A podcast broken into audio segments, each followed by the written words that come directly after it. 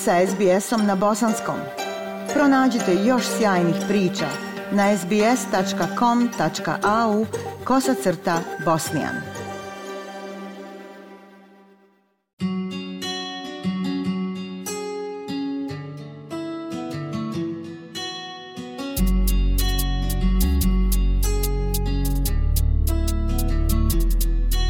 Slušate program SBS radija na Bosanskom. Nedavni izvještaj sa Univerziteta Monaš pokazuje da su vodeće australske kompanije napravile značajna poboljšanja u načinu na koji prijavljuju rizike modernog ropstva u svojim lancima nabavke. Izvještaj dolazi u trenutku kada savezna vlada vrši reviziju zakona o modernom ropstvu. Prilog Peggy Giacomelos. Postojeći statistički podaci su zabrinjavajući. Pravni centar za ljudska prava procjenjuje da 40,3 miliona ljudi širom svijeta doživljava moderno robstvo, od kojih je 15.000 u Australiji. Prema zakonu o modernom robstvu procjenjuje se da je u Australiji oko 3.000 kompanija dužno godišnje dostavljati izvještaje o rizicima modernog robstva u svojim operacijama i lancima snabdjevanja i u kojima se moraju detaljno opisati aktivnosti i mjere koje poduzimaju za rješavanje tih rizika.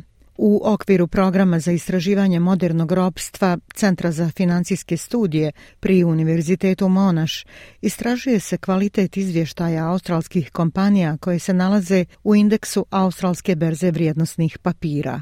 Istraživači trgovine ljudima, dr. Na FAM, dr. Amul Rudba i dr. Bei Kui rangirali su kompanije ocjenama od A do F prema tome koliko dobro su ispunile sve norme koje zahtjeva izvještaj. Dr. FAM kaže da je ovo druga godina centra da sastavljaju takav izvještaj. For financial year 2021, we have seen a, big improvement in the quality and then based on that uh, scoring framework za um, financijsku 2021. vidjeli smo um, veliki napredak u kvaliteti i na um, osnovu datog okvira za bodovanje. Četvrtina izvještaja dobila je ocjenu A, a skoro trećina je ocijenjena sa B. Međutim, još uvijek imamo 9% kompanija koje su dalje ocijenjene sa E i F, a od najvećih kompanija na tržištu zaista očekujemo da puno bolje izvještavaju o modernom ropstvu. Definicija modernog ropstva uključuje krivična dijela kao što su rad djece, trgovina ljudima, prisilni brak, prakse zapošljavanja na prevaru i dužničko ropstvo među ostalim krivičnim dijelima. Australijski zakon o modernom ropstvu iz 2018. godine zahtjeva od kompanija koje imaju najmanje 100 miliona dolara prihoda godišnje da za relevantni izvještajni period u jednoj financijskoj godini prijave šta preduzimaju kako bi identifikovali rizike modernog ropstva u svojim operacijama i lancima snabdjevanja. Gospođa Fam kaže da je došlo do poboljšanja u nekim kompanijama koje troše više novca kako bi bolje razumjele svoje lance nabavke izvan prvog nivoa.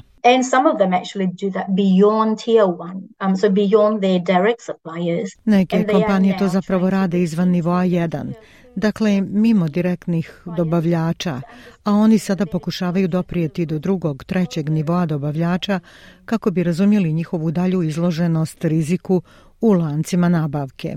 Gospođa FAM kaže da iako je došlo do poboljšanja u otkrivanju podataka, potrebno je više informacija o tome šta kompanije planiraju uraditi kako bi provjerile buduće dobavljače i kako namjeravaju pratiti tekuće odnose sa dobavljačima.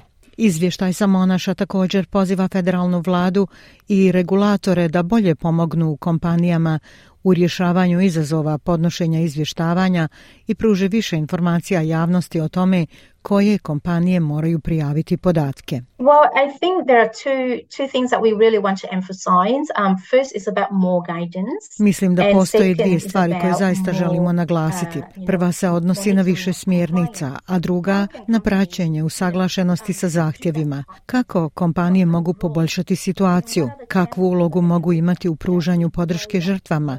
Pa možda bi trebalo dati više korisnih smjernica za kompanije. A što se tiče praćenja koliko koliko kompanije ispunjavaju zahtjeve ostaje da se vidi. Ovo je veoma veliki zahtjev za vladu i zahtjeva dosta sredstava od vlade. Možemo početi tako što će nam se omogućiti da saznamo koje su to kompanije koje sada moraju objaviti podatke, a mi nemamo njihov spisak. Nepoštivanje zakonske obaveze da kompanije sastavljaju godišnji izvještaj trenutno ne povlači nikakvu kaznu, a jedna od preporuka na koju autori izvještaja pozivaju vladu jeste da se usvoji.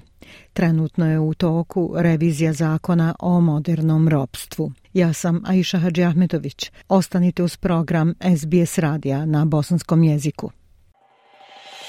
SBS na bosanskom. Podijelite naše priče preko Facebooka. Želite poslušati još ovakvih priča? Slušajte preko Apple podcasta, Google podcasta, Spotify ili kako god da primate svoje podcastove.